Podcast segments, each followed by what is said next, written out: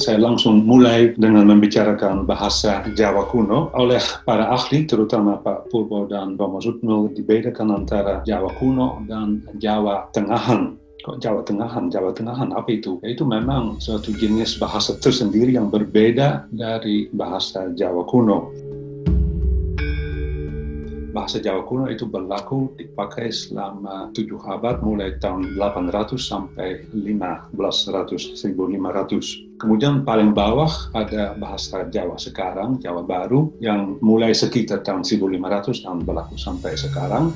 Sedangkan bahasa Jawa Tengahan di antaranya memang di tengah, mungkin dengan sengaja namanya Tengahan, itu kok tidak ikut sistemnya, seharusnya Anda mungkin berpikir ada Jawa kuno, ada tengahan, kemudian ada yang baru. Itu masuk akal.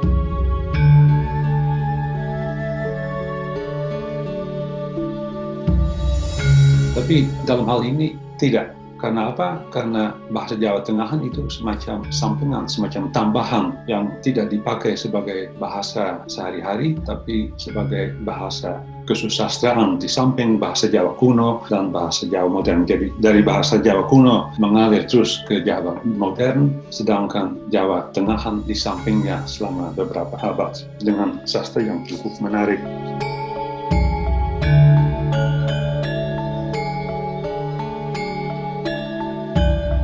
Saya kira ini cukup sebagai pengetahuan untuk sementara tentang bahasa kuno, tengahan, dan baru. Saya tutup bagian ini dengan menyebut lagi beberapa karya yang ditulis mengenai bahasa Jawa kuno dan perkembangannya.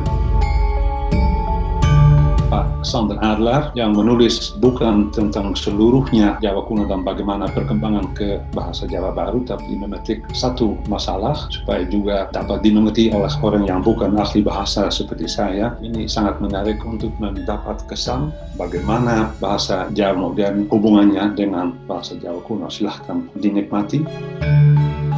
Sedangkan eh, yang di bawahnya, guru saya Pak Hulenberg di Leiden dulu menulis satu artikel antara banyak artikel ini tentang bagaimana seorang yang menekuni bidang sastra harus tahu juga sedikit banyak tentang bahasa karena pengetahuan ilmu bahasa akan membantunya untuk menafsirkan dan mengapresiasikan karya sastra.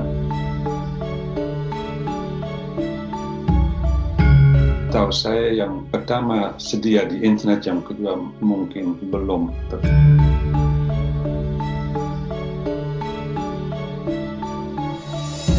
Jadi jelas ada Pak Puba Coroko dan Romo Sutnul yang menulis buku sejarah sastra Jawa kuno. Enak bagi kita karena itu memberi kerangka waktu kapan Ramayana ditulis, kapan Haji Wiwaha ditulis itu semua bisa dicari di sana lengkap dengan isi. Khususnya bagi saya enaknya hari ini semua itu tidak perlu diulangi karena bisa dibaca oleh Anda sendiri dalam bukunya.